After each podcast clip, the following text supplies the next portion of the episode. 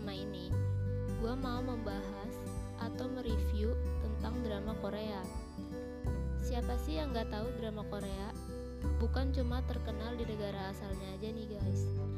Sekarang drama Korea juga lagi digandrungi banget sama warga Indonesia, bukan cuma kaum milenial aja ya, tapi dari kalangan ibu-ibu juga pada suka nih. Tapi di sini yang bakal gue bahas atau rekomendasiin ke kalian bukan drama Korea pada umumnya. Maksudnya, setiap orang yang baru mendengar drama Korea pasti langsung kepikiran, pasti isinya cuma cinta-cintaan doang. Paling alurnya gitu-gitu aja dan cuma modal pemainnya yang ganteng atau cantik doang. Tapi ternyata nggak gitu. Kalau kalian explore lebih jauh tentang drama Korea banyak banget nih genre yang gak cuma sebatas cinta-cintaan aja jadi yang bakal gue bahas di podcast gue kali ini yaitu gue mau rekomendasiin dan mereview beberapa drama Korea yang isinya gak cuma cinta-cintaan doang. Jadi gue langsung masuk ke topiknya aja ya. Drama pertama yang gue mau rekomendasiin ke kalian yaitu berjudul Vagabond. Drama bergenre action ini dibintangi sama Bae Suji dan juga Lee Seung Gi. Jadi Vagabond ini merupakan drama mata-mata tentang seorang pria yang berusaha mengungkap kebenaran seputar kasus kecelakaan pesawat. Lee Seung Gi yang berperan sebagai Cha Dalgun adalah seorang stuntman yang terlibat dalam kecelakaan pesawat terbang sipil. Cha Dalgun selamat dari kecelakaan tersebut. Akan tetapi, setelah mendeteksi adanya korupsi berskala nasional yang mengerikan di balik kecelakaan tersebut, ia pun mulai menggali kebenarannya. Nah, di sisi lain, Go Hairi yang diperankan oleh Bae Suji adalah seorang anggota NIS yang bekerja sebagai black agent atau agen rahasia dan terlibat dalam usaha usaha Cadalgun mengungkap kebenaran. Gimana nih, baru denger sinopsisnya aja udah seru banget kan? Bukan cuma pemainnya aja nih yang cantik sama ganteng, tapi alurnya juga nggak kalah seru dan menegangkan. Vagabond ini memiliki alur cerita yang cepat dan rapi, gak bertele-tele, namun tetap memberikan twist-twist kecil di setiap episodenya. Jadi kita juga bakal dibikin ketagihan sama setiap episodenya. Selain alurnya yang seru abis, kita juga bakal diliatin adegan-adegan action dari Lee Seung Gi yang kece dan keren banget nih. Mulai dari bertarung dengan tangan kosong, menembak, hingga adegan pengejaran di atas atap gedung. Gimana, seru abis kan dramanya? Gak kalah dari film-film action luar negeri. Next, drama Korea yang mau gue rekomendasiin dan review ini punya cerita yang penuh plot twist dan tentunya menarik banget nih buat ditonton. Apalagi buat kalian yang suka banget serial bergenre crime. Drama yang mau gue rekomendasiin ini judulnya Ekstrakurikuler. Drama ekstrakurikuler ini mengangkat tema mengenai kisah para remaja. Meski begitu, ekstrakurikuler tak memilih genre romance atau slice of life yang biasanya kita temui di genre drama Korea pada umumnya. Jadi, drama ini bercerita tentang Oh Jisoo yang diperankan oleh Kim Dong Hye adalah seorang anak broken home yang belajar di sekolah swasta ternama di Korea. Jisoo ini dikenal sebagai murid teladan dengan nilai di atas rata-rata. Tapi di balik kehidupan remajanya yang terbilang biasa aja, Ternyata dia menjadi otak di balik penyedia layanan keamanan untuk pelaku prostitusi.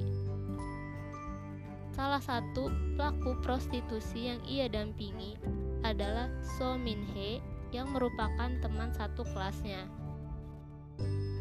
So Min Hye ini berasal dari keluarga yang berada, namun dia melakukannya agar bisa membelikan barang-barang untuk pacarnya yang bernama Kwakite. Tapi pekerjaan Jisoo ini diketahui oleh salah satu anak populer di kelasnya yang bernama Bae Gyuri. Dan kehidupan Jisoo pun seketika berubah. Nah, sinopsisnya aja bikin penasaran banget kan? Dengan plot yang dinamis, dengan beberapa twist menjadikan serial ini cukup menarik untuk ditonton. Walaupun bercerita tentang prostitusi, drama ini jauh dari adegan vulgar. Sedangkan kesan trailer dan crime dramanya sangat terasa. Diselingi juga dengan dark jokes sebagai penyegaran walaupun gak terlalu ketara. Dramanya pun lebih dominan dibandingkan kisah romantis kedua pemeran utama yang diceritakan sebagai anak dengan keluarga yang bermasalah. Jadi buat kalian yang suka sama series Netflix yang berjudul 13 Reason Why, pasti bakal suka juga nih sama drama ini. Soalnya keduanya memiliki kesamaan, yaitu membawa masalah-masalah yang terjadi terhadap anak muda saat ini. Gimana nih sama drama kedua yang gue rekomendasiin gak kalah bagus kan? Selanjutnya kalau kalian suka banget sama film Train to Busan World War Z atau film Alive yang baru-baru ini dirilis dan ada juga Peninsula yang merupakan sequel dari Train to Busan pasti kalian bakal suka banget nih sama drama yang bakal gue rekomendasiin dan bakal gue review ini Soalnya gue bakal nge-review drama Korea yang bertema zombie yang judulnya Kingdom. Apa jadinya ya kalau zombie di zaman kerajaan? Pusing gak bayanginnya. Belum ada rumah sakit, belum ada peralatan dokter yang canggih kayak sekarang ini.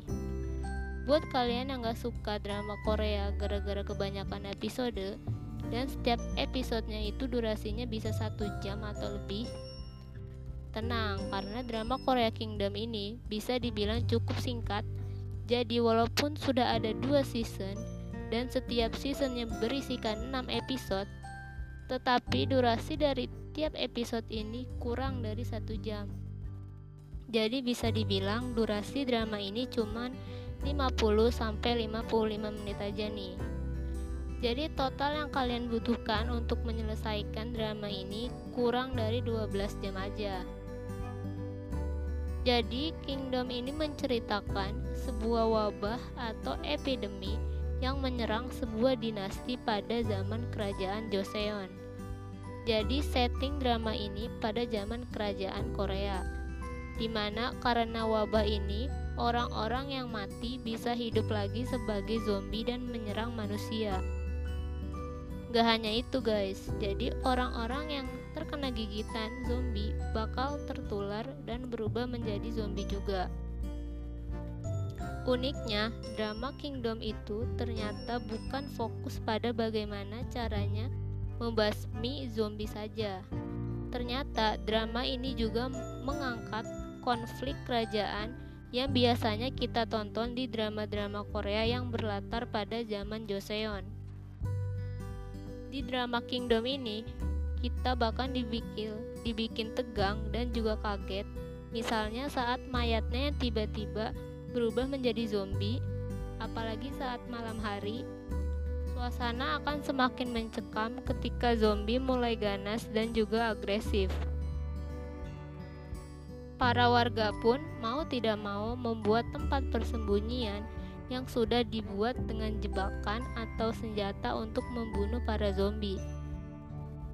Selain itu, drama ini juga menggunakan teknik pengambilan gambar yang bagus dan juga make up para zombie yang memang sangat totalitas dan dibuat senyata mungkin.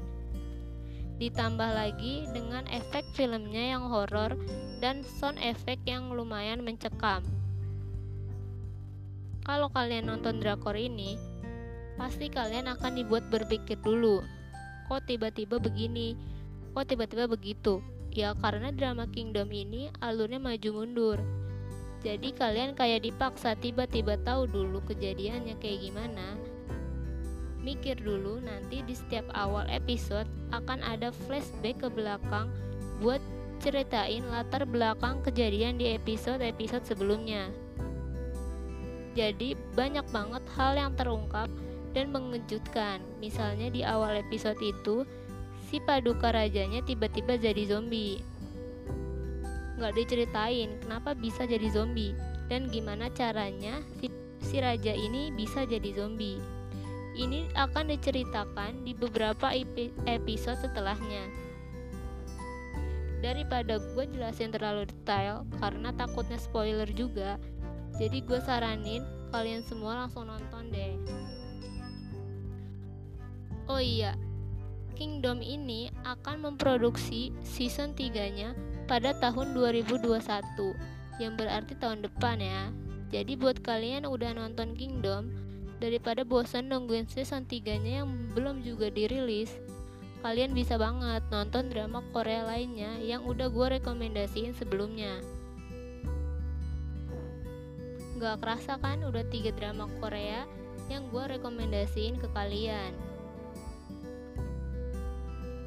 Next, drama keempat yang bakal gue review ini diproduksi oleh OCN, salah satu stasiun TV di Korea yang terkenal banget memproduksi drama bergenre crime trailer terbaik saat ini.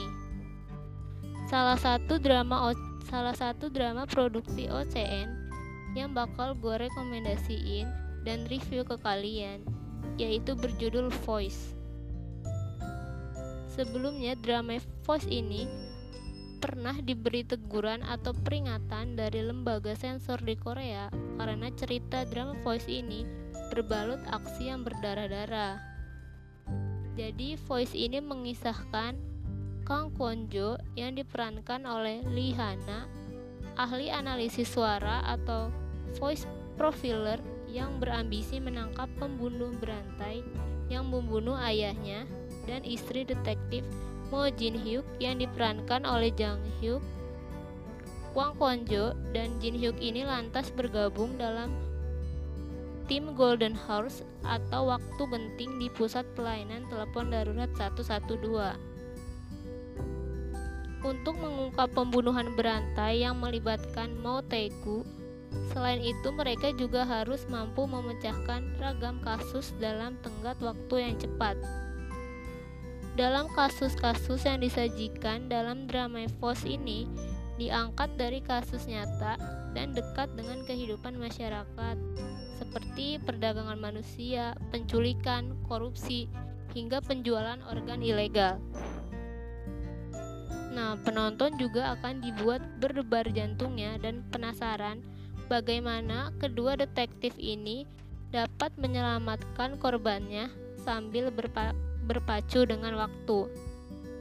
Salah satu keunikan drama Voice ini juga dari orisinila orisinalitas karakter pembunuh berantai dengan senjata berupa bola besi. Pada season 1, karakter psikopatnya adalah seorang anak kaya, anak kaya raya dan kebal terhadap hukum. Sedangkan di season 2 ada penambahan pemain yang nantinya juga akan menjadi partner dari Kang Kwonjo yaitu detektif Do Kang Woo yang diperankan oleh Lee Jin Wook. Jadi pada voice 2 ini ceritanya menekankan pada prasangka dari masing-masing tokoh. Terutama Kang Kwonjo yang memang mendapat cobaan baru dan juga penjahat baru. Di voice pertama, kasus yang dipecahkan Kang Kwonjo dan Mo Jin Hyuk di lapangan, kasusnya banyak beralih pada kasus satu ke kasus yang lain, hingga memecahkan kasus utamanya, yaitu melawan penjahat Motegu. Nah, di Voice Season 2 kali ini, kita kedatangan psikopat baru yang bernama Bai Jeso. Bai Jeso sendiri mempunyai keunikan nih dalam membunuh korbannya. Jadi dia biasa jadi dia biasanya memutilasi salah satu anggota tubuh korban lalu disimpan dan dijadikan trofi untuk dirinya sendiri. Nah, untuk Voice Season 3 kita kedatangan psikopat lagi. Untuk season 3 ini, psikopatnya masih ada hubungannya dengan Bae Jeso. Nah, nama psikopatnya itu namanya Kaneki. Jadi drama Korea Voice Season 3 memadukan budaya Jepang lumayan kental ke dalam dramanya ini. Karena detektif Do Kang-woo yang sewaktu kecil tinggal di Jepang dan jalan cerita pada Voice 3 ini juga berkaitan dengan masa lalunya detektif Do Kang-woo. Namun tak hanya Jepang, Voice 3 juga melakukan asimilasi dengan budaya barat dan Indonesia karena ada karakter yang berasal dari Indonesia dan muncul dalam salah satu kasus. Voice 3 ini bertotal 16 episode. Beberapa episode awal seperti season sebelumnya yakini memiliki kasus sendiri tetapi tetap dengan benang merah pada kasus utama. Sementara itu, episode-episode selanjutnya fokus pada kasus utama. Nah, gimana nih? Kalian tertarik banget gak buat nonton drama Voice ini? Kayaknya buat kalian yang suka film bertema pembunuhan atau detektif, pasti bakal suka sama drama ini. Nah, kayaknya itu aja beberapa drama Korea yang udah gue review dan rekomendasiin ke kalian yang isinya bukan cuma cinta-cintaan aja. Semua drama yang gue rekomendasiin ini bisa kalian tonton di platform Netflix atau View. Jadi buat kalian yang berlangganan Netflix atau View, mending langsung nonton buruan ya. Mungkin itu aja kali ya pembahasan dari podcast gue kali ini. Oke okay guys, see you next episode ya.